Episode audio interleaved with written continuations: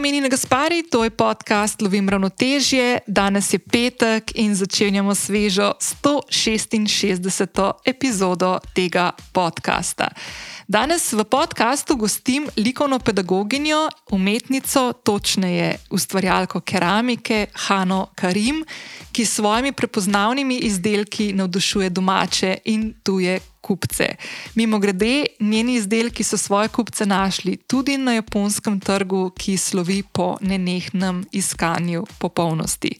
S Hano danes govoriva o njenem odraščanju, ki je bilo prepleteno z umetnostjo, o njenem delu, ustvarjanju, ki najde navdihe. Kako je skozi svojo kariero prepoznala lepoto v potrpežljivosti, opuščanju nadzora in uživanju v trenutkih, ko prvič pogleda izdelke, ko odpre peč. In kako je vse to skupaj prinesla tudi v zasebno življenje. Govoriva o tem, kako je v svojih delih prepletla dva svetova, ki jo je podedovala od svojih staršev, kraški svet po mami in dediščino bližnjega vzhoda, ki jo je vzljubila od očeta, ki ima kurdske korenine. Hanna od lanskega leta ustvarja v novem, velikem in svetlem studiu v prestolnici, kjer se odvijajo tudi zelo obiskane delavnice, na katerih lahko tudi mi s Hanino pomočjo ustvarjamo svoje skodelice ali krožnike. In v zapisu epizode te čakajo povezave, ki smo jih omenili v pogovoru, med drugim tudi povezava do njene spletne trgovine, kjer lahko najdeš kakšno lepo, kakšen lep izdelek za popestritev svojega doma zase, ali pa termine za njene nove delavnice, prihajajoče delavnice, morda se na kakšni od teh srečava tudi mi dve, oziroma mi dva. Če vam je podcast Limrovno teže všeč in ga radi poslušate, vas vabim, da se nam prijavite na mobilni aplikaciji, prek katere poslušate podcaste. S tem meni, kot ustvarjalki, pomagate, da za ta podcast slišijo tudi drugi, ki morda tega še ne poznajo, in s tem se krepi občinstvo okoli podcasta in meni omogoča, da nam povabim zanimive sogovornice in sogovornike, kot je današnja Hanna, uh, s katerimi želim ples tudi vnaprej navdihujoče pogovore, jih loviti v audio zapise, da jih lahko slišite tudi vi. Kot vedno se mi lahko javite na zasebno sporočilo, najraje vidim, da to naredite na Instagramu, ker se vam tam najhitreje oglasim nazaj. Vesela pa sem tudi, če na svojih družabnih omrežjih delite, da poslušate podcast Lovim ravnotežje ne me pozabite označiti, da se vam lahko zahvalila nazaj. Uživajte v pogovoru s Hano in se slišimo na koncu. Hanna, dobrodošla na podcast Lovim ravnotežje. Zdravo, Nina. um, zdaj, jaz sem imela tebe napisano na wishlist že po mojem od začetka. A vešno. Ja, in nekako tudi zaradi mene, valjda, uh, se tako nekako najne zgodbe, tako sem pa jaz se srečala in vsakeč pa tako šit, no moram povabiti. In ene stokrat sem ti že rekla, da pridem tudi jaz do tebe. Mm -hmm. Pa si enkrat si bila v mojem prejšnjem ateljeju, ne? Sem bila, ja, sem bila, sem ja. bila in je bilo full fine. In sem full vesela, da smo se ujeli. No. Tudi jaz. Tako Hvala, da, da si me povabila. Z veseljem. Hanna, veš, kaj sem te hotela vprašati? Jaz tebe spremljam tako že kar nekaj let, tvojo A, ja, zgodbo. Okay. Hvala ti. Kako se razvija. In mislim, tako predvsem skozi tvoje objave na Instagramu in kako se tudi ta tvoja ustvarjalnost razvija skozi čas. Mm. Pa bi zdaj mogoče za kakšnega, ki posluša tole, pa ne ve, pa te ne poznali, oziroma ta uvod, ki sem ga videla, mogoče še ni tako pripeljal neko to tvojo zgodbo in kdo ti si. Uh mhm. -huh. Da mogoče za začetek mal povej, kdo je Hanna. Pa kakšna pot je za tabo, da si danes tukaj, kjer si, uh mhm. -huh. pa zberti sama, kako bi hodila, pa okay. kje stvari izpostaviti. Um, zanimivo vprašanje. Um, lej, okay. Hanna je več stvari, kot smo vsi, verjetno, večplastni. Um, predvsem se moji dnevi um, vrtijo okrog vsega, kar je ustvarjalno in lepo. Meni je um, ful pri srcu in zmeraj mi je bilo tudi zelo blizu, uh, že od malih nog. Um, so mi bile blizu lepe stvari. Mhm. Tako da nekako sem se pojela v en medij, ki je pravzaprav najbolj fajn za ustvarjati lepe stvari, vsaj jaz tako čutim, in tu je glina.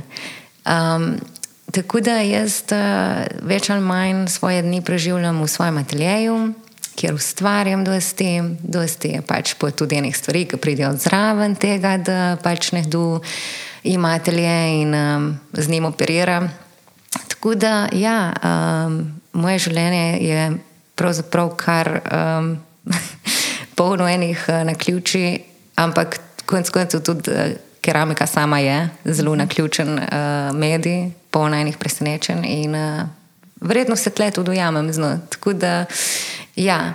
Na kratko je pa tako, če govorimo zdaj čist po enem uh, seznamu. Um, Drugače, prihajam iz Vajdušne, verjetno slišiš. um, in uh, živim v Ljubljani, uh, zdaj verjetno že enih 15 let. Um, tako da vsake tok uide, kakšna ljubljanska bolj, kot kar Vajdovska, se, se mi zdi, še zmeraj kar prevladuje. Uh, govorica.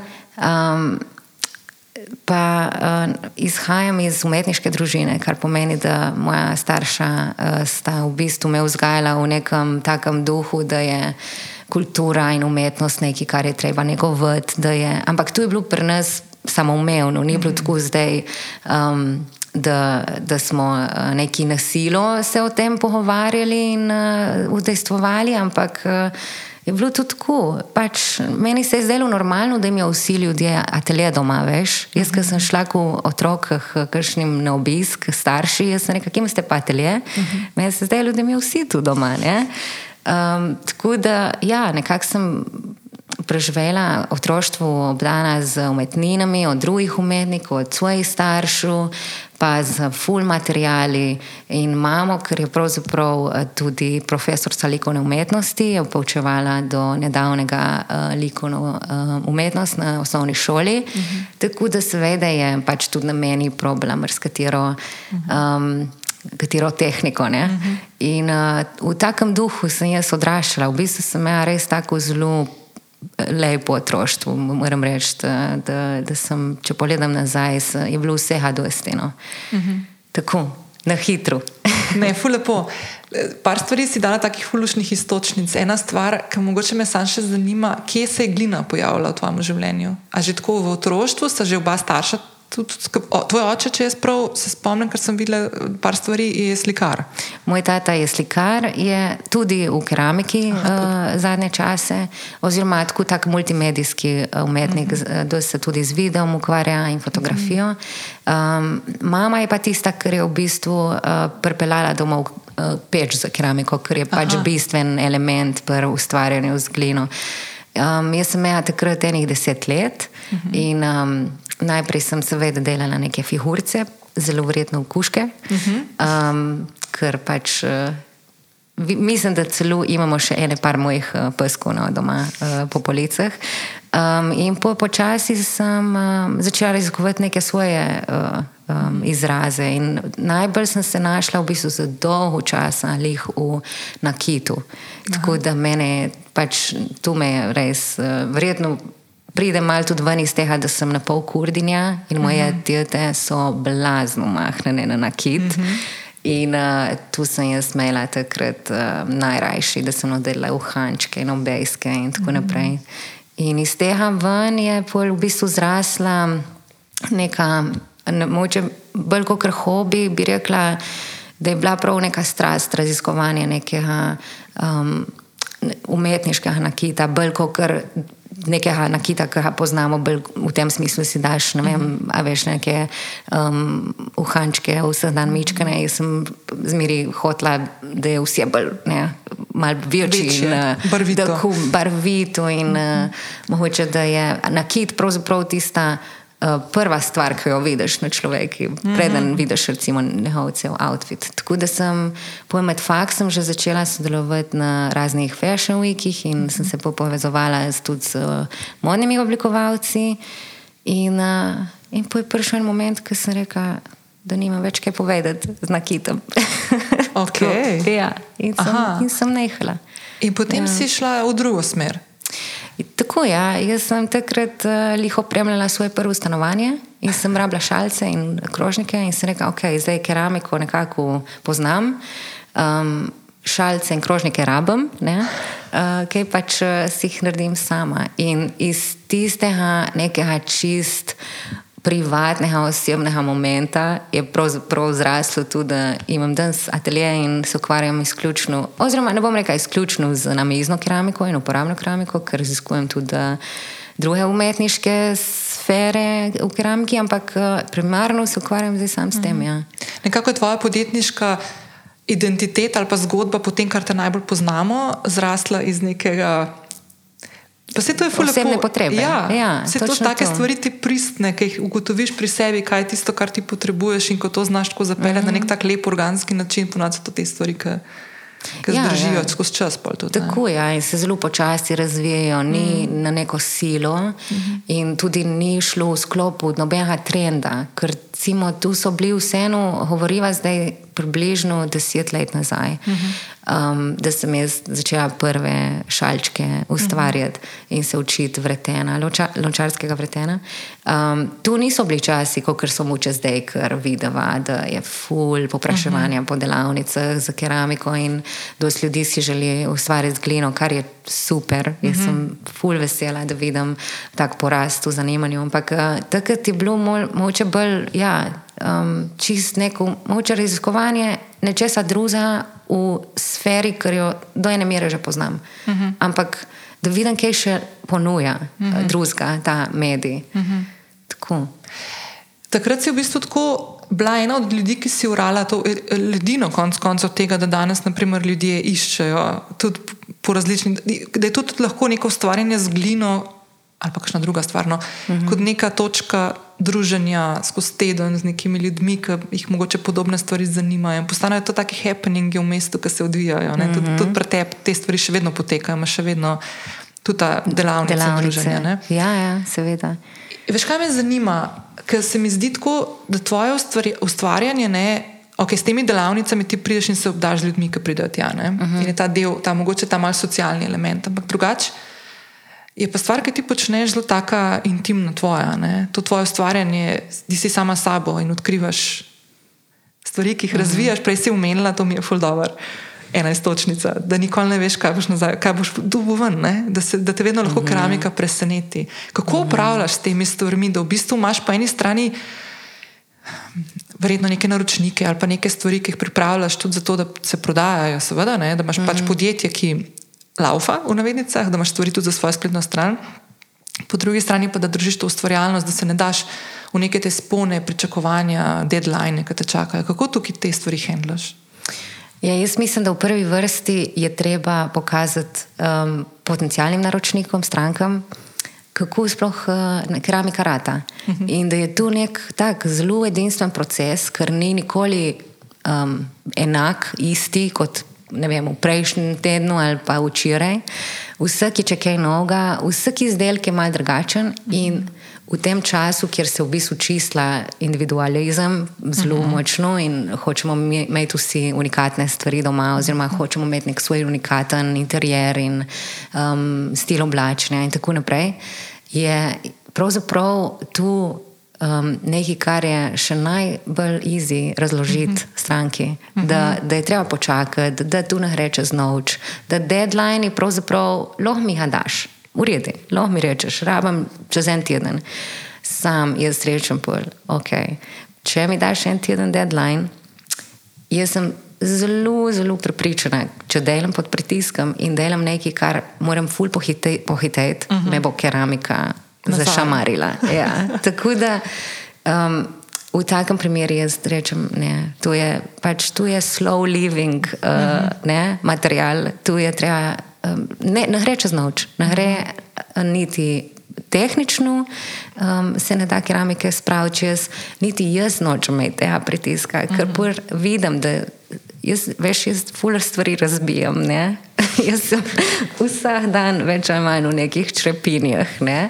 Um, in vidim, da je porast teh črepin uh, lih takrat, kadar sem pod stresom ali pa se mi mhm. kaj mudi. Mm -hmm. Tako da v takem primeru izmerečem ne. Um, Je treba, je treba malo več časa mi dati. In mm -hmm. ponavadi ljudje razumejo, se jih pa rabi to knujno krožnik, razumeš, vse verjetno imaš doma nekaj, česar lahko ješ. Ja. Tako da do zdaj v bistvu um, sem se, prav z vsemi sem se lahko zmenila, da malo mal počakajo. Tu, če je taj treba tukaj še mesec več počakati, ponavadi ljudje niso imeli lih Aha, težav. Ja. Super. Ne, pa se ne mislim, mislim, po eni strani imamo vsi to neko. Mogoče se je zdaj v zadnjem času malo to spremenilo. No? Veš, jaz tudi nek svoj lifestyle šibam, pa imam mm -hmm. neke svoje pravila, na, pa način delovanja. In tudi ogromno imam tega izobraževanja ljudi, s katerimi jaz delam, kako je dobro narediti stvari, kako je treba se za stvari čas vzeti. Mm -hmm. In se mi zdi, da to je malo ta potreba družbena zdaj, tudi po tem nekem slow living ali pa malo mm. mal bolj umirjeno, mm kot smo se ga bili navajeni. Tako da to se mi zdi, da je res ful tako dober, gre gor. Je pa ena druga stvar, ki mi je pa ful všečno. Um, ta, uh, to opuščanje ali nekih pričakovanj, veš, ali pa opuščanje perfekcionizma. Zdaj mm sem jih par dni nazaj videla, da si ti črpinje objavila. Mm -hmm. Kako si naredila tako ful lepo, da to je del tega. Mm -hmm. In um, se mi zdi, da smo vsi v nekih trenutkih, ki smo obdani z nekimi črpinjami, mogoče ne fizičnimi, jih niti ja, ne vidiš, ja. kako jih ti opaziš. Mm -hmm. Kako pa, mm, veš, kaj sem te hotela vprašati? Ena stvar, ki me je ful fascinantna pri tebi, je, da ti si v bistvu presegla si svojo ustvarjalno zgodbo, ne bom niti rekla podjetniško, svojo ustvarjalno zgodbo si presegla neke te klasične omejitve, um, ki jih imamo običajno, ki jih imam jaz, naprimer, že zaradi jezika, pa stvari, ki jih počnem, ki so vezane na neko področje, kjer živimo. Ne. Ti si svojo zgodbo prenesla predvsej čez meje Slovenije. Kako se je tako razvijala ta Hanna Karim identiteta in šla tudi tako sporadično po svetu, ker imaš kar nekaj strank, ki si jih imela, pa jih še imaš, verjetno tudi nekaj, ki so tudi mm -hmm. na japonskem in ja, dlje. To je v bistvu največja čast. No, exactly. na japonskem. Ja. Um, ma veš kaj, jaz mislim, da mogoče zaradi tega tudi, ker izhajam iz svetovljanske družine. Ne? Jaz mislim, da ni, ne vem, če je tu na ključe, no, da se meni nikoli ni zdelo neč ta zad, če pač komuniciram ali pa prodajam nekomu, ker ni lokalno, um, mm -hmm. se pravi, opredeljen tle okrog mene doma. Um, Moče tudi zaradi tega, ker moj tata ni od tukaj. Mm -hmm. In smo imeli v bistvu zmer nek, ta, nek tak um, dualizem nekih kultur, mm -hmm. in um, se mi tu ni več ta za zdaj. In verjetno tudi pač tu je en tak del, da, um, da, se, da sem se nekako znašla. No? Uh, kako bi našla tudi kakšne stranke, ker niso um, slovenske. Čeprav jih imam zelo rada in sem mm -hmm. vesela, ker um, slovenci podpirajo um, unikatne produkte oziroma umetnine v, v splošnem. Um, druga stvar, ki bi jo vredno omenila, in je zelo vredno. Um, Najbolj tipična za take situacije je pa pravzaprav pojav socialnih medijev. Uh mhm. -huh. In jaz sem takrat nekako ujela ta zeleni val uh, Instagrama in, in Facebooka. V bistvu takrat se je pravzaprav začelo se je z Facebookom um, in um, lansiranjem Facebook pageov, uh -huh. um, na katerem sem jaz v bistvu začela objavljati svoj nakit, še uh -huh. ki sem ga takrat izdelovala.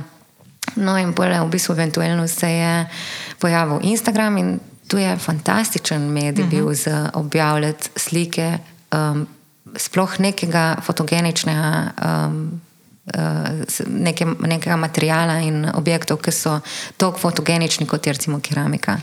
Tako da, ja, jaz sem v bistvu že kar zgodaj začela raziskovati, kako pač bi se promovirala um, prek socialnih medijev. Uh mhm. -huh. In ti si v bistvu dejansko danes, naprimer, ko pogledaš nazaj, je bil, kot sem tudi jaz, naprimer, na tebe, oziroma ne. Mogoče ne, mogoče sem jaz na tebe naletela res tako v kakšni trgovinci, pa sem šla pol na Instagram, mm. naprimer, ampak to je mm. tako, kot pa živimo tle okolje. Če bi bila nekje, ne vem, v Berlinu ali kje druge, bi te našla na Instagramu. Mm. Ampak ti si res tudi tako zelo zgodaj, tudi spletno trgovino smela postavljati na delavnici, smela gor razprodane, smela izdelke, tako to se spomnim, da si objavila eno stvar, naprimer, tako imam nove stvari, pa sem šla pogledat, ne vem, šest ur kasneje pa ni bilo več unega krožnika. in mi je tako, wow, ne, fulnoro. Tako da ti si res ta, ta val si tako ful dobro ujela in ga furaš še zdaj. Ne? In si to čisti tako v bistvu. De, veš, kaj sem hodila? Ti si tle tukaj naredila še eno stvar. Ne? Postavila si svojo spletno trgovino, uh, fotkaš svoje stvari ti. Ne? Delaš ti fotke, ne? ja, ja. Ja, se- v, bistvu zadnje čase mi pomaga kolegica Esma, uh Mhm. -huh. ker uh, sem. Sem ugotovila, da rabim še nekoga, ki posodi en uč. Oziroma dva. pogleda? Ja. Ja. točno to, ker se maže, počasi si že skuhan in spečen. Ponavljaš, ne, isto. Tako, Ja, ja, ja. tako in nekdo z nekim svežim vetrom ti da čisto en drugi pogled Aha. na isti objekt, kar je fantastično. Jaz sem tu rabila in sem kumi čakala. Ja. A imaš to imaš na kakšnem področju koga, ki ti tako da kakšne take uvide, ali zdaj, naprimer, Ha. si še vedno tako one man band? Mislim, imam partnerja, raz uh -huh. uh, z mano dela, on uh -huh. v bistvu um, skupaj z mano uh, je v ateljeju, on je v, v bistvu je igralec, uh, Ah, se okej. je preselil dve leti nazaj uh, iz Londona. Um, in uh, jaz sem jih takrat iskala nekoga, ki bi mi pomagal delati uh, bolj ta tehničen uh, del priprave gline, in, uh, in on je bil za. In potem smo bili tako, super, Wow. wow. zdaj pač zdaj tu počasi skupaj sfurati. In ima res tudi zelo ostro oko za uh, estetiko in mu ful zaupam, kadar uh, komentira. Uh, drugače pa zmeri vprašam mamo in tata. Mislim, uh -huh. da Itak, toliko enih stvari sem prevzela od njiju, uh, ne vem, cela moja barvna paleta je pravzaprav od fotra. Hvala, tata. Um, sam, ja, uh, pač mislim, da v nekem prav likovno-teoretskem smislu moja mama rastura, ona pove, da pač jaz bi tukaj mogoče dodala malo te barve ali pa Aha. ta oblika bilo bila mogoče malo višja ali pa tako naprej. So, mislim, določene stvari, ker jih zaupam um, zihar staršem in uh, partnerju. Da, Hudo. Ja. Kako je delati s partnerjem? To se jaz vedno bojim, jaz sem pošla izkušnje s tem. Pa tako vsake to, tako kakšno stvar si mislim, tako mogoče ne bi bilo pametno zdaj sklekešno. Mm. Aj, dobro. Meni je super. Jaz, um, jaz vidim, da vem, da je tu za dosti ljudi taka malce nenavadna situacija. Dobim dosti to vprašanje, ja, kako jaz pa ne bi mogel nikoli s svojim partnerjem delati. Um, štekam. Ampak mogoče je fora v tem, da mi dva vseeno nisva skozi skupaj v ateljeju. ne. Jaz imam uh, drugi prostor, v katerem uh, se ponavadi uh, zadržujem in on ima, mi dva se hecava, da ima svoj office, ne, ker je pač dost uh, hline in umazanije, ampak pa je office nonetheless. Uh, tako da um, ni zdaj kot da konstantno tičiva skupaj, Ja, ja, ja. skupaj ja, ampak uh, z, mislim, zaenkrat moram reči, da je zelo dobra ideja bila, da smo se spravili skupaj v ta projekt. In konec koncev zdaj celo razmišljam, da bi skupaj moče um, oblikovala nek produkt. Hudo. Ne? Ker mislim, da mogoče moja keramika je tako izrazito. Um, ženstvena, mislim, ima dosti, se mi zdi, teh um, takih mal bolj feminilnih potez, je taka nežna, bolj organska. Um, Me zanima, kakšen miks bi bil, če bi njegov pogled, njegov izraz pr, se zmiksil z mojim, ki, bi rad luven. Okay. Ja. Zanimivo. Veš, kaj zdaj razmišljam? Se v bistvu to je neka taka stvar, ki se jaz zdaj ful pregravam in mi dva z Miho ne delava skupaj stvari. Ne? Pa tudi imamo vsak svoje življenje ločeno, ne čepiva 24 ur skupaj, kar je v bistvu ful dobro. Je pa res, da se na določenih področjih ful lepo dopolnjujeva. ne. Da v bistvu lahko jaz njemu kakšno stvar pokažem, ker mogoče on ne pozna tako dobro. Ne, in zdaj, ki je šel v podcast, tudi pa to pa mu jaz malo pomagam tukaj. Um, on, naprimer, svojo dolgo kariero pisanja meni pomaga, naprimer, kakšne stvari, kako kolumne, pa to, ki mi on prebere, pa kdaj tako reče. Sem ti že zanč rekel, tole mogoče par pas, kako napišeš. Mm, tako. vidiš, In je ja, ful dobro. Tako da, naprimer, jaz z njimi je ful tako bolj lahkotno razmišljati o tem, da se ki, naprimer, kakšne stvari prepletajo, kot naprimer, ker sem imela kakšno izkušnjo v preteklosti, ki je bila tako izrazito slaba. Mm. Ravno zaradi tega, ker je šlo bolj za to, da je šla neka hierarhija ali je šlo bolj za to neko držanje, kdo, kdo, kdo bo nekoga učil, kdo je spodaj tisti, ki je učen. ne. Ja, ja, ja, Tle, ja. pa tako malo bolj fleks- fleksibilno, je pa to čist nekaj drugega. Ne? Tako Ja, to je čist, ful. mislim, jaz ne jemljem tega, kot smo umidva v kakršni koli hierarhiji. Ja, ja. Tu je taka Fluidno, zelo, ne? zelo fluidno in uh, tako sožitje v bistvu dveh uh, različnih karakterjev, sicer, Mhm. ampak um, jaz sem ful vesela, da, da je um, pravzaprav moj partner, moj fant, uh, ki ga imam res rada, uh, z mano. Tok časa, jaz sem rada z njim. You know? ja. Meni je fajn tudi tu. In, um, ne vidim, da bi bilo tu zdaj, uh, da bi jaz mogla nekaj zdaj fulterati ali pa uh, se obnašati kot neka šefica. In prepričevati, pač, da je tam. Ve, in Bada. tudi pravzaprav ja. pozdravljam tudi, da aha, je začelo tu zanimati do te točke, da je izrazil sam željo, da bi moče oblikoval uh, nek produkt. Tu je, mislim, moja nima nobene povezave s keramiko, ampak mm -hmm. jaz mhm. mislim, da pač tako je, ker si to časa v glini, se mi zdi da začneš razmišljati skozi samo tem. ja. Pa veš, kaj mi je všeč tudi to, ker se mi zdi, da včasih tako se nam vsem zgodi, tudi če se ne ukvarjaš z nekimi zelo ustvarjalnimi stvarmi. Ko najdeš neko svoje področje, kjer imaš občutek, da to zdaj pa je tvoja cona, mm. udobja že v bistvu, ne tako mm. mala, veš, da to pa zdaj ti obvladaš, mm -hmm. da imaš pa pustiš vseeno prostor in da si odprt za to, da nekdo pride in nek svež veter pripelje, ki mogoče včasih ti zna mm -hmm. tudi malo zamajati neke tvoje temelje v dobrem smislu, mm -hmm. ne, da ti mhm. pokaže neko področje ali pa novo smer ali pa mm -hmm. veš, novo priložnost. Se ja. mi to ne zdi ful pogosto drugačno. A veš, da smo zelo pademo noter ti neke svoje. Ne? Sto posto, ampak veš, jaz, sem ti prej omenila, da sem že imela en ta. Um, tako mal, manjši ustvarjalni uh, kaos, uh -huh. kater sem nehala delati na kit in sem začela uh -huh. delati nekaj drugega. Takrat me je pravzaprav neka taka mala kriza, sicer stisnila, ampak sam dejstvo, da sem šla bolj čez tisto in sem bila tako, ker ne, v bistvu pač uh -huh. še zmeraj lahko delam nekaj ne, v keramiki, ampak pač ne bom več delala na kita. Um, me je pravzaprav naučilo, da če vam tudi če sem omenila dne, ne veliča delati uh, krožnike in uh, sklede, bom pač nekaj drugega delala. Ne? Mislim, tako se mi zdi, da pravzaprav me tu s takim malым tak, vznemirjenjem navdaja, veš, Aha. ker nikoli v resnici. Se ni treba, da moram zmeri tu delati. Ja, se kdo pravi, da bo to veselilo, ne, tudi čez par let. Ne. Točno veš. Verjetno keramika, ah, mislim, tu je tež, meni, meni je tako všeč. Jaz po tokih govorimo zdaj, moj že tisočkrat, da sem že odprla peč. Se pravi, ta moment, mm -hmm. kadar vidiš prvič končan izdelek. Ne? Jaz sem še zmeri, jaz, jaz sem pripravljena spustiti vse z roki, ni tu atelje, da deset minut, samo da vidim, kaj je ratelo. In tu je ta moment, ki mi se očitno ne mine. Mm -hmm. Jaz govorim, mogoče tu delam zdaj že, vem, 15 let in ne gre. Tako da. Ah, to bo žalosten dan, če bom de nehala delati keramiko, ampak očitno bo moglo biti nekih še bolj fajn. ne, sem to je ful dobro. Te iskrice, ki jih imaš ti v očeh, ko teh stvari govoriš, to, meni je to nekaj tako lepega, ker vidim enega človeka, ki uživa v tem, kar počne. Bi bil, ful bi bil lep svet, če bi to vsak. A veš, da bi vsak ja. najdel neko stvar, ki bi ga tako zapopolnjeval, kako bi to fajn. Ja, mislim, ne, res je, da best je. Um, ni izmeri samo romantično, seveda, ne, valjda. Ampak, mislim, je pač tako skoraj vsak dan je nek moment, ki je nekaj novega. Uh mhm. -huh. In tu je, po mojem, ta, sploh za take, ki se morda potencialno um, lahko naveličamo kakšnih stvari, ne, prehitro.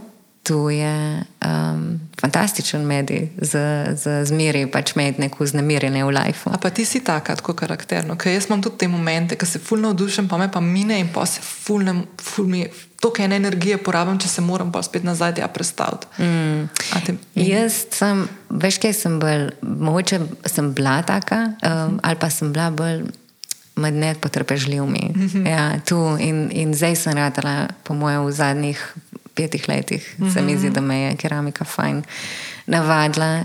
Ker tu je konec koncev tudi v življenju tako. Mm -hmm. um, da stvari ne grejo tako kar ne, čez noč, da je treba za stvari, kakšne dobre, tudi počakati nekaj časa, da se zgodijo. In konec koncev tudi, kar mi je najbolj fajn, je, da jaz pravzaprav zaradi tega, ker konstantno um, sem soočena tudi s tem, da nekaj ne preživi, da se nekaj razbije, uh, da sem mal narodna včasih ali pa da je tu neka tehnična napaka. Um, in me je tu pripeljalo tudi do tega, da se ne navežem na materialne stvari. Uh mhm. -huh. Pač meni me na tok boli, da ruknem avto.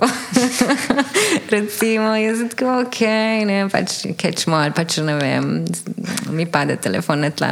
Tu so take stvari, ok, vse se da, razumeš, zelo ne še enkrat, ne, ne vem, vse krožnik lahko še enkrat naredim, razumeš, ne bo uh mhm. -huh. isti, ima, vse se da ponoviti, če je materialno, ne, bolj Dajmo rajne v tiste ne, človeške stike, uh -huh. čustvene uh, spoje v lifeu. Dočekali smo pomlad, daljše dneve, nežne sončne žarke in veter v laseh. Primalinci so prav v teh dneh predstavili nova izdelka, ki bosta poskrbela, da bodo naši lasje negovani, nahranjeni in sijoči. Naravni šampon iz malince vsebuje pšenične proteine in aminokisline in je primeren za nego vseh vrst las.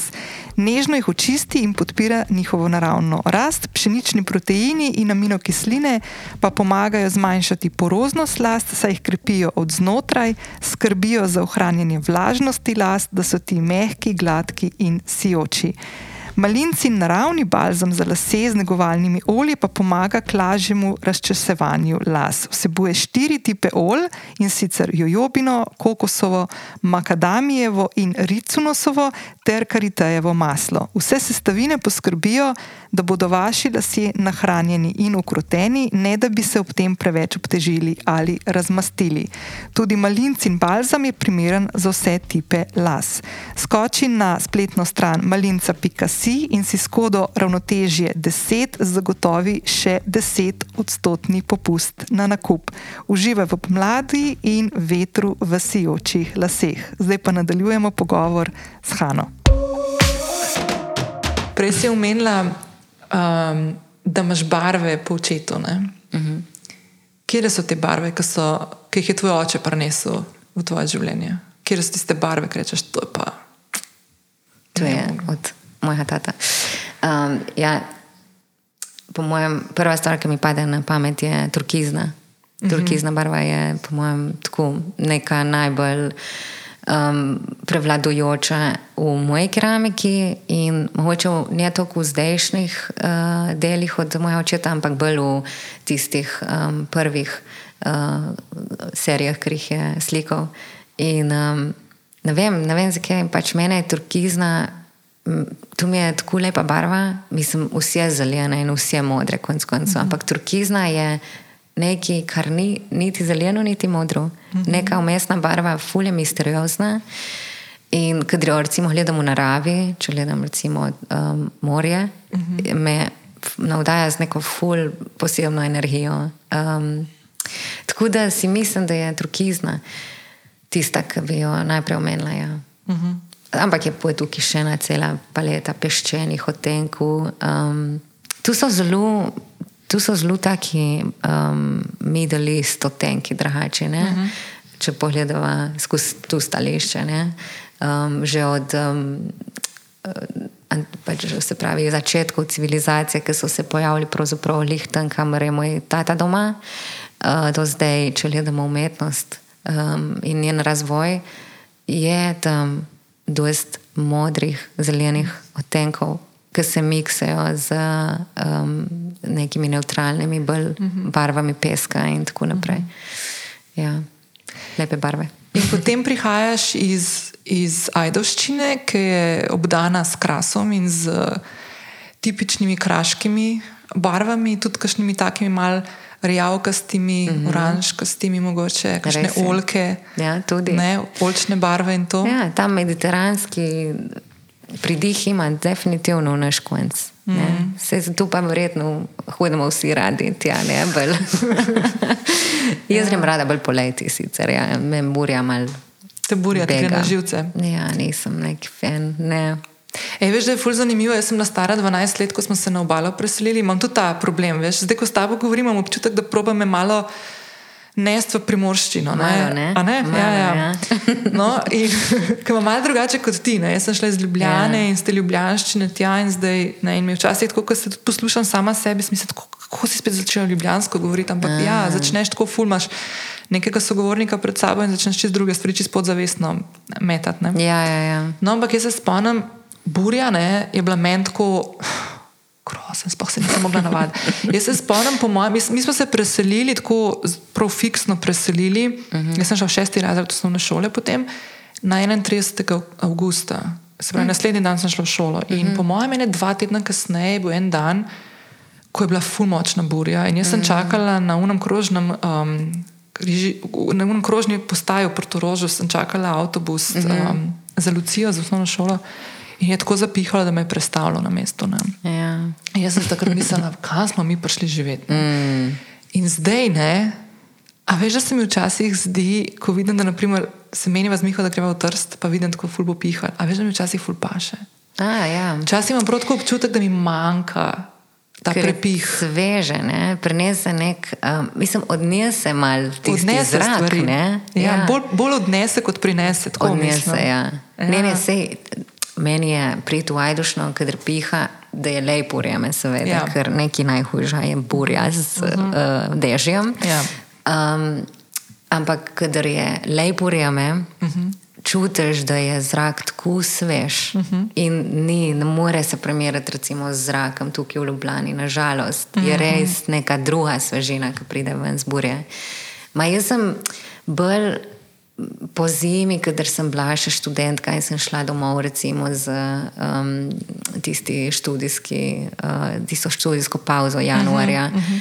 Joj, se spomnim, eno leto sem razvila neko posebno vrsto depresije zaradi burje, zato ker je bila burja se nahelcem. Jaz mislim, da je pihalo vsak dan, tri tedne ali pa celo več. Uh -huh. To pomeni, da socialno življenje nekako kar uhasne. Ne? Uh -huh. Si bolj doma, ne? Si doma. Uh -huh. In recimo v Ljubljani še zmerno ven, je, je mehla. Ali pa deš, ma greš ven po zemi, lahko ne, greš lahko celo eno kavo, se usedeš kam. Um, v v Ajdušni pač ne moreš niti iz avta ven, normalno ne, ker jih lahko od, odpihne uh, Vrata, vrata. Ne. Mm -hmm. Uh, tako da se spomnim tisto zimo, pač jaz sem res rekla, jo, jaz ne morem, jaz res ne morem, imeti, uh, ne, preži, ne morem preživljati zim tle. Mm. Poletje je pa fantastično, poletje mm pa nekaj najlepša, ker ima res tak mal mediteranski mm uh, uh, pridih, uh, pokrajina. In, um, in vem, ljudje so bolj volje in burjeni, predvsem. In tudi, je če pada, da še v redu. Ma tudi, tudi. če kašna poleta ne vihta, še to lepši. No, zdaj pa ful zanima, zdaj pa v Ljubljani. Ne? Mm -hmm. In ti bi načeloma tako, si, si en tak človek, neka taka svetovljanka, imaš to že položeno v bistvu v zibelko. Mm -hmm. A se ti predstavljaš, kje druge biti?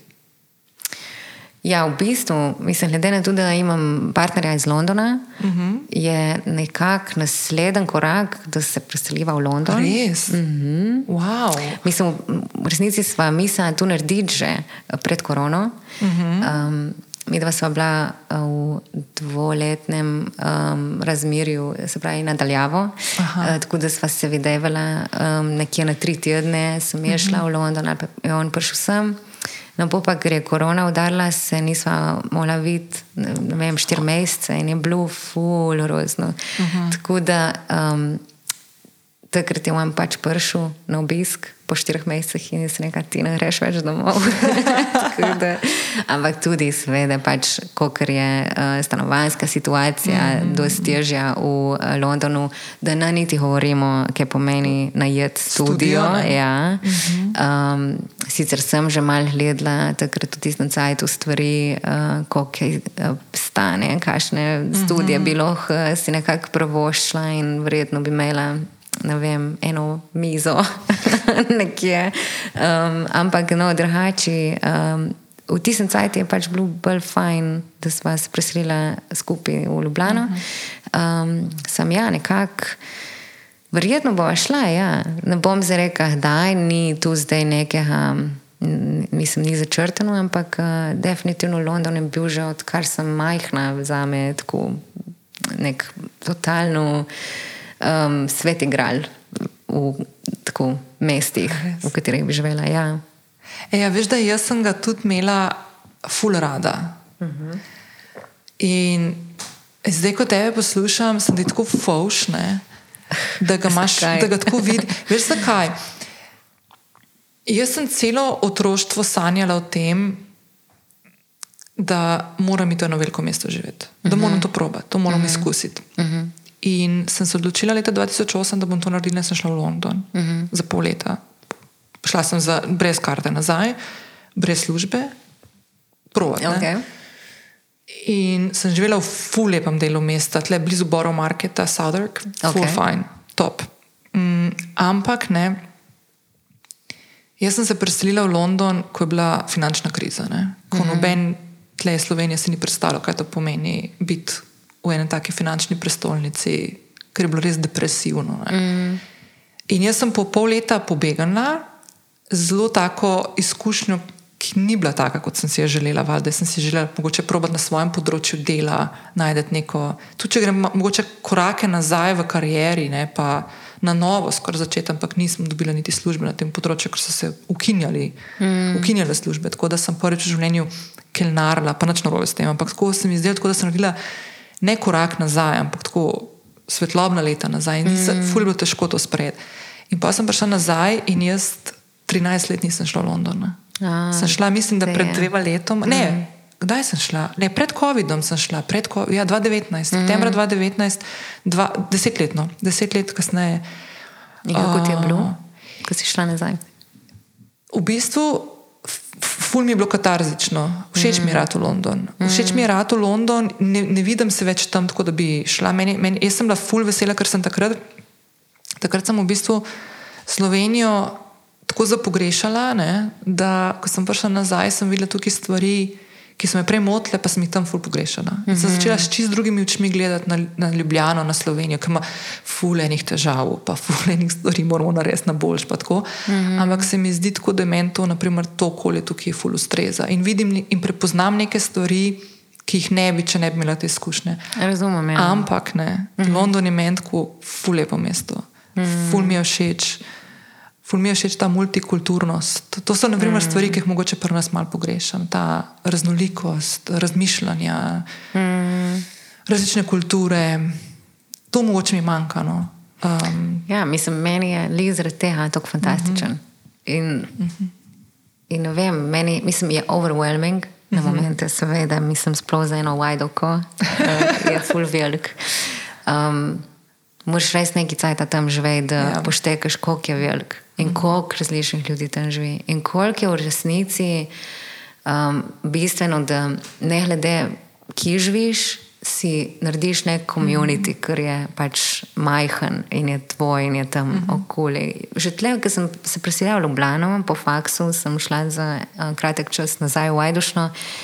Ko sem se preselila nazaj v Ljubljano, sem imela in stanovanje, in studio na isti ulici. Uh -huh.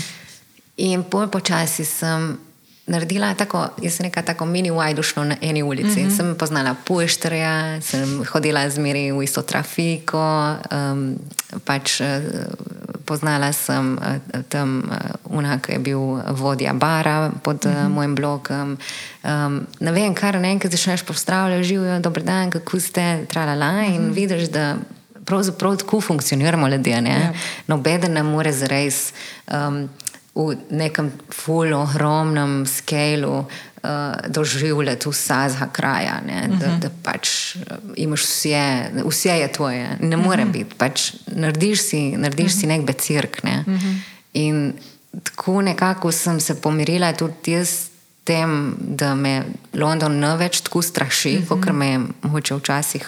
Uh -huh. Ampak uh, zdaj si mislim, če bom šla živeti tam, tja bom verjetno na isti sistem. Si bom uh -huh. naredila pač najljubši kafič, najljubšo pekarno, uh, lekarno bom imela nekje, verjetno kamor bom skozi hodila. Ne vem, tako ne. Um, si narediš Ja. mini vajdušno. ne. Ej, zdaj si me ful spomnila, ne morem verjeti. Zdaj si me ful spomnila na mojega prodajalca časopisov, ki je bil tako čez cestico. En Pakistanc je bil. Mm -hmm. Pozabila sem ime. Šit, pozabila sem ime. V glavnem, jaz sem hodila vsak ponedeljek tja iskat Guardian, ker so objavljali takrat v ponedeljkih časop, v časopisu, je bila ta marketing priloga in so bile službe za marketing, pa PR. In sem pač gledala in vedno manj jih je bilo, vedno manj strani je bilo. Ampak pazi to, ne, on je čez ulico tam sred Londona prodajal palomine robčke, uh, te pakirane za, za nos, ne, male. Okay. Uh, in uh, ajdovski fruktal je imel notri pingo, sokove, ki jih jaz v, Sloveniji nisem videla takrat sto let. Wow. In on je prodajal pingo sokove. In jaz sem si tja hodila kupovati, evo, Guardian, pa lovčke, pa to in sem prav Oh. ta becir, ki mi je sem tako mi je bilo tako, wow, kako dober. Dobro. Ful dober. Zakon. Ej, ampak veš kaj, glih, ko smo na tem. Londonu, pa to ne. Um, a imaš kakšen del, ki ti bi bil ful, ka- kam, kam greš v London, ko greš? Tako, Pa, pa še pa mogoče eno tako vprašanje, ki so že malo govorili, kje iščeš navdihe, pa to ne. Uh, mm. Pa si malo četo omenila, pa te barve, pa turkizno, pa to. Mm -hmm. Kako, na primer, ti greš nekam na neko lokacijo, tudi če je neka stvar, na katero se ti vračaš, ali pa ne vem, greš prvič.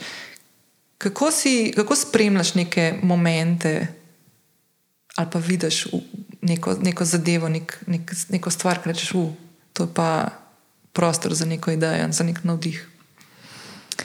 Ja, um, mislim, da glede na oddiha je tako. Um, tu zveni doskrat fu romantično. Uh, tudi tako, da si kar mal ko ustvarjal pod pritiskom, da moraš je, imeti navdih tako pač po nekem. Ključu, ne? Ključu, ja, da, gre, da so tle neke ali ne, ki jim moraš slediti, zato da priješ do navdiha. Ne. To je tak, ne, tam tako mal um, nedosegljiv, zmirjen moment. Ampak jaz mislim, da navdih je lahko zelo tehnična stvar, da pač, um, kadar recimo uh, v ateljeju pridem do nekih um, napak, naprimer, uh -huh. doskrat se mi kaj zgodi, ali je tu tehnična napaka, uh, da mi pijač kaj nahaja, um, da, da gre temperatura previsoko, da zmešam dve napačni uh, barvi skupaj. Po takih momentih se mi fulejnih dobrih stvari zgodi. In um, v bistvu kar čakam take um, uh, deviacije um, v ateljeju. Druga stvar je pa tako. Jaz, ne vem, jaz to krada gledam nesimetrične objekte, pač mene me ful vreče zmeri v stvari, ki so organske oblike, ker niso, niso pravilne oblike. In tu je lahko praktično karkoli. Včasih vidim nekaj taza na ulici, uh -huh. uh, ker hodim mim, pa neka kompozicija se zdaj posveti ven iz neke čist banalne, um, uh -huh. vsakdanje situacije. Um, Doskrat je pa tako, da pač enostavno uh, se obdajam z uh, objekti, ki so. Um, Recimo, bodi si pač imel neko oblikovno vrednost, imel umetniško vrednost, in jih gledaš, in jih gledaš, in vidiš, wow, tu, tu mi je všeč. In poštekaš, zakaj ti je všeč, ali je tu neko sozvočje barv, ali je, um, kako so oblike v, neki, uh, v nekem uh, sožitju. In take stvari se mi zdi, da, pr, da pripeljajo do, do tega, um, da pomoče počasi začneš ne vem, še ti raziskovati v podobne smeri. Uh -huh. um, sam, to je tako, ne?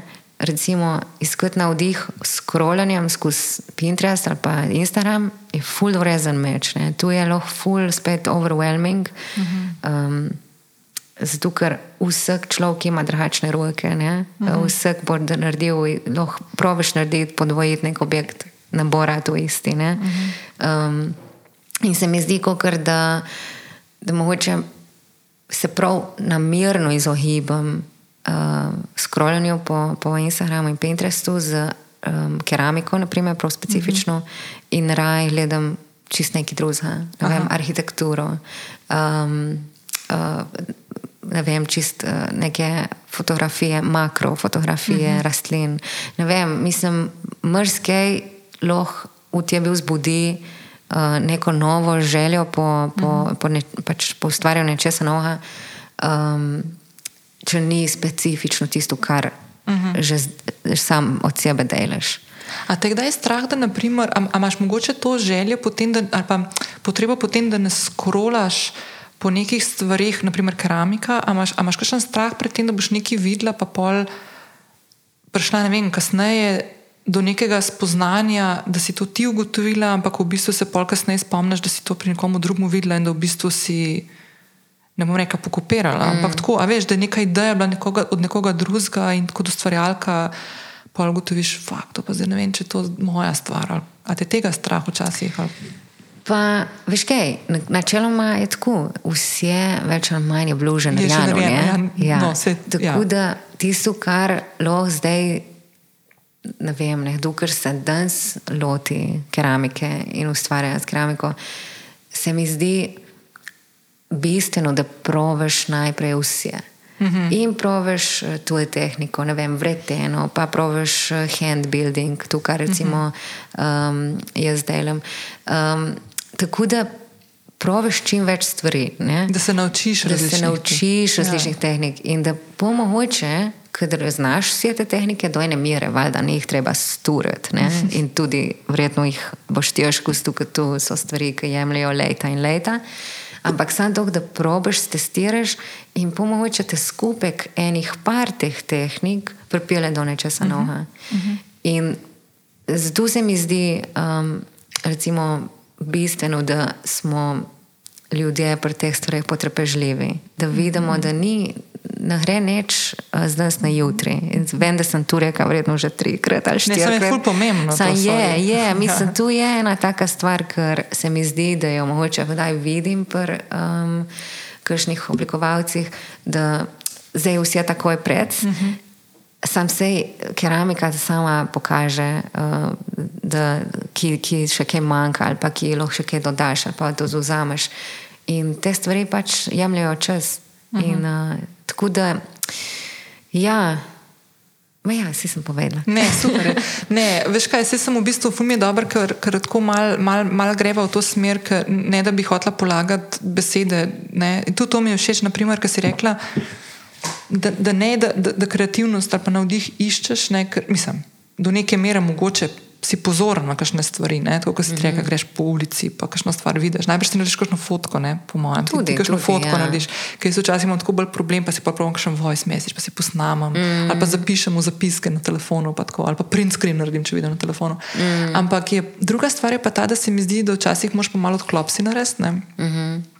Um, pa me zanima, če si kdaj pri sebi opazila, da ko si vzameš čas za počitek, ali pa ko si vzameš čas, da ne narediš nič ne, na svojem področju, mm -hmm. ali pa da malo le naraš. Mm. Kaj ja. se ti pol zgodi? A, si opazila, da je, naprimer, ali pa si vzameš, ne vem, če si vzameš. Jaz imam s tem zadnje čase malo težave, moram mm. reči. Če imam kavč, naprimer, v pisarni, pa se ja, ne vem, če sem ja. se dvakrat ja. gor usedla, ker imam tako občutek, tukaj pridem, da delam. Ne, ja, veš, ker neko ja. tako sama, sama sebe gonam v neko mm. smer, ker nočem. Ne, ampak ja. Ampak, naprimer, včasih se mi pa zdi, ko si povzamem, tako res, da pa danes ne bom nič delala. Ko pustim svoje možgane, da jim rade imaš že živčni od tega, kar nič ne delaš. Običajno mm -hmm. takrat dobim ful dobre prebliske. Ne? E, čakaj, zdaj, kaj pa, kaj pa delaš, če kaj zgodi, ne delaš? To je zelo tipično ja. vprašanje. Ful je, težko, ful je težko, ker nikoli ni tako, da bi zdaj ležala na posli in gledala v luft. Ja, ja, ja. Mogoče, naprimer, grem na sprehod, okay. naprimer, grem na sprehod, pa ne vzamem telefona s sabo, mm -hmm. da bi mhm. podcaste poslušala, kar običajno ja. delam. Mm -hmm. Pametno, ja. In pol sem tako ful dovzetna, vem, pa se običajno so ti sprehodi bistveno krajši, grem vem, okrog, mal, mal širši okrog bloka, naprimer, mm -hmm. ali pa dom do rožnika, naprimer, pridem še. Uh, Ampak ja, veš, take tak stvari. Pa, naprimer, grem, pa, pa pucam stanovanje, pa zraven ne poslušam nekaj. A veš, pa, mm, tako, da sicer malo mal... delaš, kam, ampak ne mm. tega kreativnega dela, pa tega, da bi se usedla in rekla, wow, to je ena ideja, zdaj pa iz tega naredila ali epizodo za podcast, ali bom napisala nekaj, ali bom imela idejo za kolumno. Mm. Tako. A veš, tako se mi zdi včasih tako, ne vem. No. Ja, tako. Ali pa mm. grem iz službe, zdaj le iz mesta nazaj proti domu pa imam telefon na potiho, pa v torbi, pa ne poslušam podkastov, pa sam razmišljam mogoče. Kakšne dve stvari, ki so se mi skozi dan zgodili, mm -hmm. pa dobim neko idejo za nek tekst. Naprimer. Ja, se je v bistvu pravo, uh, Se ni drugače težko, mislim, drugače težko, ja. da nič ne delaš. No, ja, je, je. Mislim, kaj, mislim, meni je težko, da nimam skozi zaposlene glave. In recimo, jaz sem obsedena s podcasti. Prej sem rekla, da ja. četrt eh, države posluša ja. podcaste redno. Ja. Jaz, po mojem, poslušam podcaste skozi. Pa če si imel tudi tak life in um, nisem, se pravi, work life, ja. ne, da lahko delam ja. to. Jaz lahko poslušam zraven in delam z lino ali pa glaziram. Um, Edinkrat, kadar pač se moram res fokusirati, je ponovadi, ko sem na računalniku. Mhm. Ampak um, takrat, kadar pač sem v ateljeju, imam skozi mhm. nek white noise vsaj. Ne. In uh, Imaš prav, mislim, do, hvala za te istočnice in ideje. Bom provala si uhasniti, da je. Ali pa že sam, če dam musko, vidim, da me drugače pile. Ja, drugače. Ja, ja, totalno, totalno. Um, Malo smo rateli um, preokupirani ne, s tem, da moramo skozi ene ja. nove stvari izvedeti, pa da delamo več stvari hkrati. Ja. To je full overrated, biti um, multitasker. Zdaj bom šla full tako mal, pa se multitaskanje sploh, sploh ni fajn. Mm -hmm. Zdaj bom šla mal sepu v zelje, pa bom rekla, da v bistvu, da v bistvu ja, to zapol, zapolnitev nekega časa, ki imaš občutek, da je mrtev čas, zato ker takrat ne ustvarjaš nekaj, nekaj novega. Ne? Mm -hmm. Da zdaj moraš pa zaradi tega noter prenesti ali učenje nekih stvari, ali poslušanje podcastov, mm -hmm. ali videti, kako drugi kaj počnejo. Mm -hmm. Ja, mi smo full bremenjeni s tem, da vsako trenutek probamo nadomestiti z nečim, da se mhm. izboljšamo, ali pa da se nekaj novega naučimo, ali pa, ali pa nekaj. Ja, to je fulje easy, fulje priročno. Ja. Pač v bistvu sam.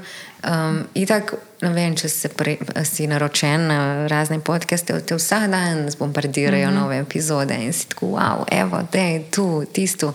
Tako da, ja, moj dnevi, takrat, kadar nočem poslušati podcaste, takrat ponavadi hočem biti ustvarjalna. To. Tako da takrat si dam ponavadi ali muziko ali pa nič. Mm -hmm. Ampak, um, ja, drugače imam kar mal problem, veš, se da to mir, čistko uh -huh. uh, iskreno. Um, ko sem rekla, da sem bila v. Um, Se pravi, uh, razmerju nadaljavo z uh -huh. mojim partnerjem. Takrat sem v bistvu vsake tri tedne si vzela en teden fraj. Uh -huh. Pač tu je, kjer je privilegij. Zdaj, ker gledam nazaj, wow, jaz sem sicer um, sem se pol v bistvu kar zmartrila, da sem v tistih treh tednih naredila vse, kar bi sicer v enem mhm. mesecu. Ampak jaz sem pa v bistvu fizično se odstranila iz ateljeja. Ker uh mhm. -huh. eno je biti, da sem jaz še zmeraj v Ljubljani in je vikend in me čaka, mogoče polna pič eh, stvari, ki bi jih furada videla. Pa v soboto zjutraj, preden grem na kavo in, in na tržnico, grem, da je samo za deset minut, sam da vidim, kaj je. Um, ampak takrat sem jaz za en teden, včasih za deset dni celo, uh, sem šla. In jaz sem prišla nazaj, sem bila ku nova, razumeš? In tu sem, jaz sem v bistvu vsak mej smela dopust, če tako pomisliš, kje je privilegij. In um, vem, da sva se že takrat menila z, z razom, z mojim fantom da kako je težko. Pa če sem seveda bližje, kot je bil tisti dan odhoda, bolj sem bila um, žalostna. Ampak takrat smo se že povarjali, da bomo verjetno v prihodnosti gledali na, na to, kar delava zdaj, se pravi na um, to menjavanje lokacij konstantno, kot je nekaj ful dobrega za zvezo in tudi za life. In veš, kaj je ful hecno v, tistim, v tistih dveh letih, ker sem jaz pač tako žonglirala med Londonom in Ljubljano, sem v resnici se navadila eno ful, bistveno sestavino, ker me še zmeri, um, se mi zdi, mi pomaga pr, um, pri tem vodenju, naprimer podjetja in ateljeja, kar je organizacija. ker predtem sem bila precej slaba s tem. Ampak po kar ne enkrat, ker imaš toliko manj mhm. časa in moraš v ta čas strpeti mhm. toliko več stvari, sem jaz rekla, aha, aha, se pravi, če danes naredim tu, bom po sredo naredila tisto. In veš, ko sem rekla v keramiki, do istega čakanja, pa uh, logistike, jaz sem se tudi tako naterala takrat. In mi še zmeraj gre, zaradi tega, ker sem pač uh, se dejansko naučila ven iz ene osebne izkušnje, ki mi je bilo -huh. ful pomembno, da grem. Ne? Jaz pač seveda ne bom ne videla svojega uh, partnerja zaradi tega. Zato, ker nisi se zorganizirala. Tako, ja, veš, da mi je bilo tu velika prioriteta. Tako da ja. Um, V resnici je bilo kar fajn. No. Ampak to je dobro, kar se zdaj omenja, zato ker to na koncu, um, ker smo vsi mal žrtve tega, da uh, imamo težave s pozornostjo ali pa zdelati eno stvar v enem momentu, v enem mm -hmm, trenutku. Mm -hmm. Da v bistvu, če se znaš tako zorganizirati, pa najdeš nek svoj ritem, ti ostane ful več časa. Mm -hmm. Ful več časa za tiste stvari, ki, pač, ki te v bistvu napolnjujejo. Yeah. Ja. Sploh, naprimer, za kakšne ljudi ki mogoče skozi svoje delo ne dobijo te energije. Ne? Mm. Da delajo neko delo, ki ga nimajo za smiselno. In mm. potem bi mogli toliko več ko, te kompenzacije strasti poiskati v času izven dela. Ja, je to včasih ja. ful težko. Ne? Veš, če zdaj pridem v atelje in sem, recimo, da imam 4-5 teskov na mm -hmm. uh, sporedu.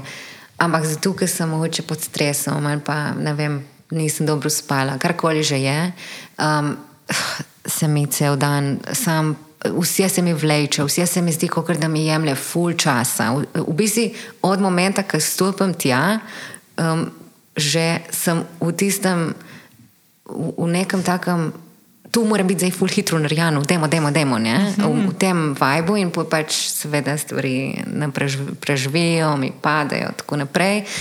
Um, pa, ker že dan pridem, imam 8 taskov, naprimer, ne? Ampak sem tako dobre volje in končam vse do ne vem, treh. In pa sem tako, kaj da sem jaz kaj narobe delala, kaj je z mano. Fulje odvisno, v kakšnem ja, počuti si. In sploh pri takih stvareh, ker um, gre recimo keramika, ker pač, kot sem prej rekla, res je ful. Enih uh, faktorjev, ker, uh, ker vodijo do tega, da pač izdelki enostavno ne doživijo svojega konca. Uh -huh. um, tako da Ja, je. Um, Res vidim tako, zdaj se malo samo analiziram, je fulje fajn. Ampak ja, vidim, da je tako, um, dosti tega posebej. Ja. E, to mi je fulje, da tebe zdaj poslušam. Sem se spomnila, da sem leta, leta, leta nazaj um, bila priča enemu pogovoru um, z Zvesta Polonijo. Pokojni. On je bil od mojega tata, uh, profesor na no, faksu. Ja. No, akademski slikar, dol v Portugalsku je živel. Mm -hmm. In se spomnim, enkrat, mislim, da je, fakt, meni se zdi, da je bil to nepavček zraven, ampak nisem pa zihar. Neka otvoritev je bila v njegovom, v njegovom um, galeriji v Portugalsku. Mm -hmm. um, in je nekdo ga je vprašal, kako se mu zdijo njegove slike. Ne? In je rekel, da vsakič, ko svojo končano sliko pogleda, bi jo naj šel popravljati. Mm -hmm. No, in ful mi je všeč ena stvar, ki jo zdaj pri tebi poslušam skozi cel ta pogovor, je kako se mi zdi ta tvoja odprtost do tega, kaj vse gre lahko v procesu narobe. Se mi zdi tako ful zdrav način gledanja na stvari. A veš, se mi zdi, da ko gledamo. Vsi smo ful kritični radi do sebe, ne? vsi bi šli mm. popravljati stvari za nazaj, lahko ne, valjda. Mm. -hmm. Ampak se pa ful ne znamo tako mogoče malo umakniti. Prvič, mogoče vzeti prostor, da v tem trenutku lahko to damo od sebe. Mm -hmm. Ta gonja po tem nekem perfekcionizmu, pa to se mi zdi, da ful, to jaz imam ful s tem problem, moram reči, da ful imam preučen to. Mm -hmm. Pa pa druga stvar, ne, da tudi prej, ki si rekla, kako se ti mladi zdaj prija, pa tako malo ta neočakanost, ne, ker je tudi del tega, da odraščaš, ne valjda. Ampak ne moreš od sebe, mislim. Ali pa stvari, ki jih gledaš za nazaj, ki si jih naredil. Valjda si ti danes s tvojimi očmi bolj zrelimi, ki so toliko in toliko izkušenj še zatem se zgodile, mm -hmm. lahko pameten za nazaj. Mm -hmm. Pa je to lahko za tri leta nazaj, ali pa za eno sliko nazaj, ki si jo ja, videl, ja, ja. mogoče en mesec nazaj, ki si jo končal, ne se vse. Ful je treba biti bolj ta, ta strpen do sebe. Ne? In mm mi je ful všeč, ko te poslušam, ker imam tako ful ta feeling. Ful se bom po mojem vračala na ta pogovor danes tudi zaradi tega, no? ker se mi zdi, da mogoče. Jaz pri svojem delu tega nimam tako zelo učitnega, teh črepin. Mm, črepine, ja. Ful dobro. No? Veš kaj, tudi, kadar jaz uh, učim uh, delavnice ne, um, v ateljeju, jaz vsakič rečem, ne se preveč čustveno navezati na svoje izdelke. Ker vem, da pridejo ljudje, ki prvič pravijo delati zelino.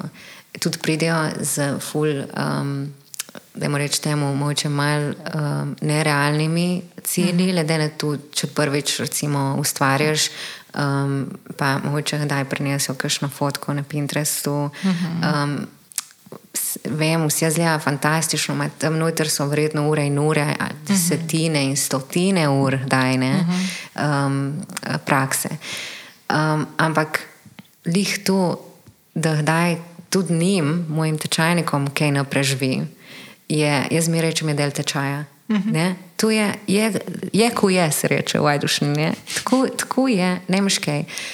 Enkrat uh, so uh, pač vsi izdelki celi, včasih se kaj razbije. Uh mhm. -huh. In tako je tudi verjetno v življenju. Uh mhm. -huh. Je treba pač se s tem nekako spopadati in uh, soočati. Um, pač, če se bi sekirali, če bi se jaz sekirala za vse razbit krožnik in skledo, bi ne, ne vem, če bi še zmeraj to delala. Ne. Ampak um, ja, mislim, da na, neka, na nek način te keramika navadi, da, um, da, da greš mogoče skozi uh, take stvari z malo mal, mal več distance, no? malo Mhm. mal bolj tako zdravo distanco mogoče razviješ čez nekaj časa.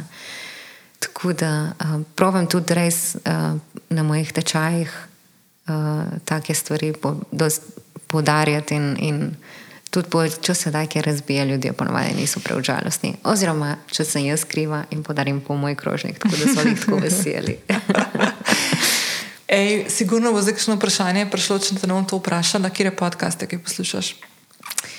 Podcaste. Okay, jaz imam ful uh, take um, periode, v katerih se zakačim in poslušam samo eno stvar in poslušam drugo stvar. Tako da ne moreš verjeti, ampak zdaj v zadnjem cajtu sem v, sam, v zgodovinskih podcastih. hudo, ja, res? čist, tako pač subscribe na, na dva. Uh, Da jim plačujem vsak mesec, zato da mi jih dajo prej ven, ker sem tako neučak. A ja, celo, ja, šla. ja, Cool. res, pač ne vem, tu me zadnjo leto približno držim. Veš, nikoli nisem prej marala zgodovine, ker sem bila v srednji šoli. Si bi mislila, da je verjetno zaradi tega, ker nisem um, imela mogoče um, ta prava profesorja, uh -huh. brez omere. Uh -huh. Ampak mogoče pač me um, ni tako um, pritijanil. No, um, pa, ne vem, v zadnjem let, letu sem začela bolj in bolj odkrivati podcaste. Najprej bolj umetnostna zgodovina, potem sem pa v bistvu kar prešaltala na zgodovino. Zato, ker v bistvu, veš, Nina, zgodovina je v bistvu pripovedovanje zgodb. Veš, in je full fine.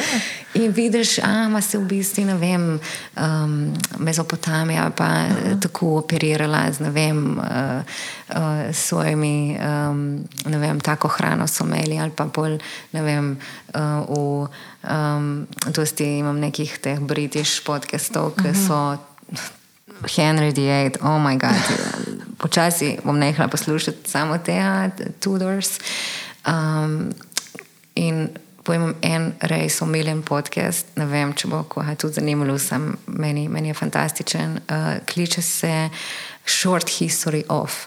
In v bistvu Aha. vsak teden pride ena epizoda, ker um, približno v eni uri oriše neko, um, neko bodi si osebo, bodi si zgodovinski dogodek. Aha. In pač, ne vem, na zadnje je bila epizoda o Fridikalu, mm. ampak skozi tak res zelo prijeten pripovedovalski način oriše te zgodbe. In tu je, me, meni je tu nekaj fantastičnega. No. Hudo. E, ja, veš, da sem ta teden, ko to snemava, ker snemava fulno naprej, uh Mhm. -huh. sem, sem tukaj imela gosta, ne vem, če si slišala za uh, Noah Čarni. On je američan, ki živi, živi v Ljubljani, tle, ja, v Kamniku, v Sloveniji Aha. in je umetnostni zgodovinar. Uh Mhm. -huh. In on je, na primer, strokovnjak, so tudi o tem govorili, on je strokovnjak za. Um, Mislim, da je to strokovno. On je napisal eno ful popularno knjigo, a, ki je v Ameriki izšla in je govorila o največjih tatvinah umetniških del. Uh -huh. Predvsem fokusirano tudi na čas uh, uspona nacizma, druge svetovne vojne in to, ko so v bistvu ful kradli po Evropi, uh -huh. oziroma mogli ful skrivati, predtem, da so se uničevale stvari. Uh -huh. In smo glih o tem govorili, ne? in ta zgodovina, in, in kako se lahko naučiš iz tega, in kako je v bistvu zanimivo, kako so bili kako so bili smart že za določene stvari. In, in mm. Če malo bolj te stvari malo spremljali, ne, mm. kako se lahko naučiš za ful nazaj. Ne. Noro. Mislim, tako s temi tatvinami sem jaz v bistvu tudi v dokaj um, osebnem odnosu, zato ker moj tata že približno 20 let raziskuje um, uničevanje kulturne dediščine na področju um, Bližnjega vzhoda, predvsem Kurdistana. Uh -huh. um, na to temo je v bistvu uh, postavil kar precej razstav že. Uh -huh in se pogovarjal z razno raznimi um, umetniki uh, iz uh, tistega področja, ampak um, predvsem mene osebno prizadene, kadar uh -huh. slišim recimo uh, take zgodbe, ker tu, tu ni nekaj, kar se je dogajalo sam. Pred Se tudi zdaj še 80 dogaja. leti se Ja, ja. dogaja še zmeri. Tu je pač, kadar je nek uh, moment, kjer, se, kjer je moment kaosa, vojne, um, doskrat nasrkajo um, uh -huh. predvsem kulturna dediščina, kulturna uh -huh. uh, izročila um, v fizični obliki. In um, leta 2001, kadar je bila. Um, Kader je bila vojna v Iraku, uh -huh. uh, kader so američani v bistvu um, uh, hoteli zrušiti uh, Sadamov uh, režim, je uh, v sklopu uh, te akcije bil uh, Bagdad, Bagdad uh, muzej. Um, Anti, se pravi, antičnih ostalin iz tistega področja, več dni brez kakršne koli uh, varnosti, um, in je bil popolnoma pravi, prepuščen in uh, tako in izropan, tudi iz strani ameriške vojske. Uh -huh. In potem, kasneje, se je to dogajalo, ker je um, bil seveda ISIS uh, uh -huh. na um, uh, pohodu čez uh, te kraje in lih tako ISIS je mogoče celo z neko večjo preudarnostjo šel v to akcijo in so um, organizirali um, arheološka izkopavanja in potem te eh, izkopanine prodajali naprej američanom, in se pravi, so ti američani pravzaprav nekako sponzorirali naprej vojno, ne prek mhm. ISIS-a in tako naprej. Um, in videli smo tudi uničevanje pač. Uh, um, Talibanov v Afganistanu. V, v, Afganistanu. Mm -hmm. um, v glavnem temu smo priča še in še, predvsem Bližnji vzhod, nažalost, glede na to, da je še zmeri precej nestabilno moče, ima uh, ogromno tega. Mm -hmm. Tako da tu je nekaj, kar je vredno opozarjati, ker um, konec koncev tu je del vseh nas, tu uh -huh. ni mhm. sam del nekega področja, uh -huh. um, tu, smo, tu, je, tu je naše, ljudsko, uh -huh. od vseh ljudi. Uh -huh. In um, jaz, no, jaz res uh, čutim tako dosta uh, žalosti, kadar uh -huh. slišim take zgodbe um, in se mi zdi, da bi o tem mogli več govoriti. Ej, začela si, začeli so danes ta pogovor s tem, ko si, sem ti dala priložnost, da poveš o sebi, Um, mm -hmm. In si eno stvar vmes povedala, ki se mi zdi tako fulano navezava na to, kar, zdaj, kar sva, česar smo se zdaj dotaknili. Ti si rekla, da si odraščala v tem kulturnem, da je bilo prepojeno tvoje otroštvo z kulturo. Mm. In ena stvar, in mi je bilo fulano, ko si to rekla, sem rekla, to si moram zapomniti, ker rekla, mogoče bom dobila istočnico, da se to navežem nazaj in si točno zdaj to naredila. Se mi zdi, da v zadnjem, spoh v zadnjem času, je kultura tako kar mal, malo hočemo. Mal nam jo hoče pokazati, da, ni, da je to neka taka postranska stvar, ki ni pomembna. Ne, mm. ne vem, ker ne bi bila zdaj tudi kultura od enih pa od drugih, pa se meni zdi to malce skregano s pametjo. Ne. Ampak na koncu je kultura tisto, kar nas dela drugačne. Ne.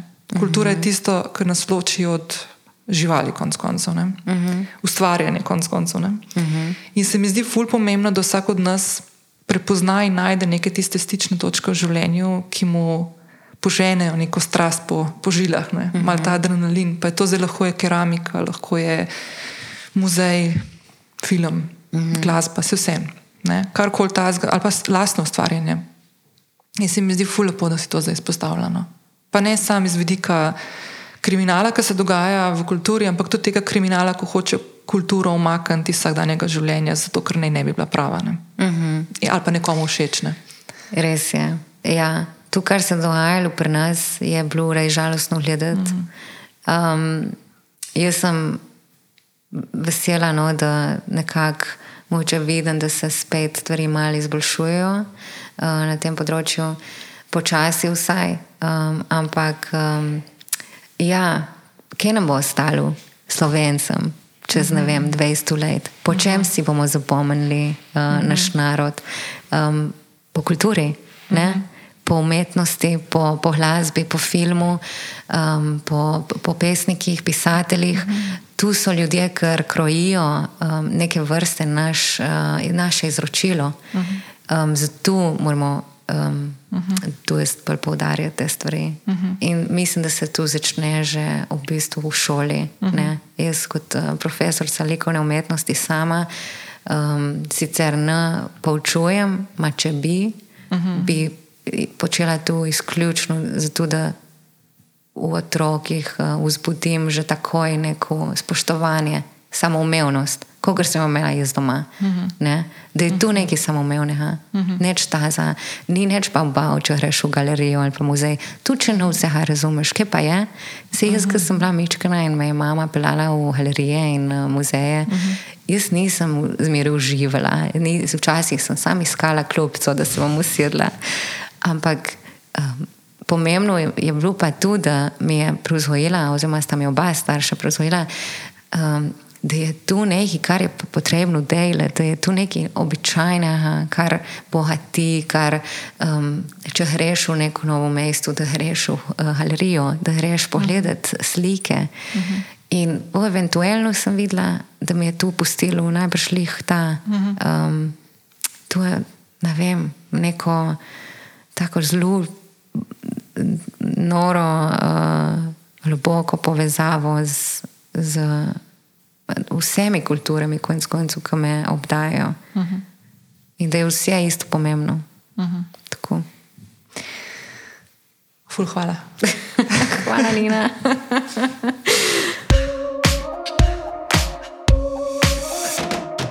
Hvala vsem, ki ste ostali z mano do konca. Hvala tudi Hani, da si vzela čas in prišla poklepetati v uh, podcast Lovim Ravnotežje. In še ful lepa hvala Hani, ker mi je prenesla uh, en krasen krožnik in me je ful presenetila.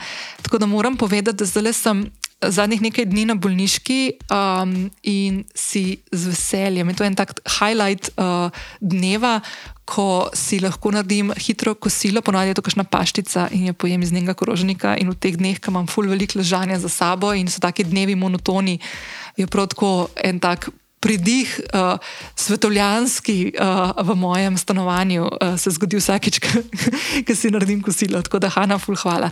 Uh, lepo se majte, uživajte ta petek, če poslušate to na petek ali pa katerikoli drug dan. Uh, uživajte te pomladne dneve in se slišimo k malu. Ciao!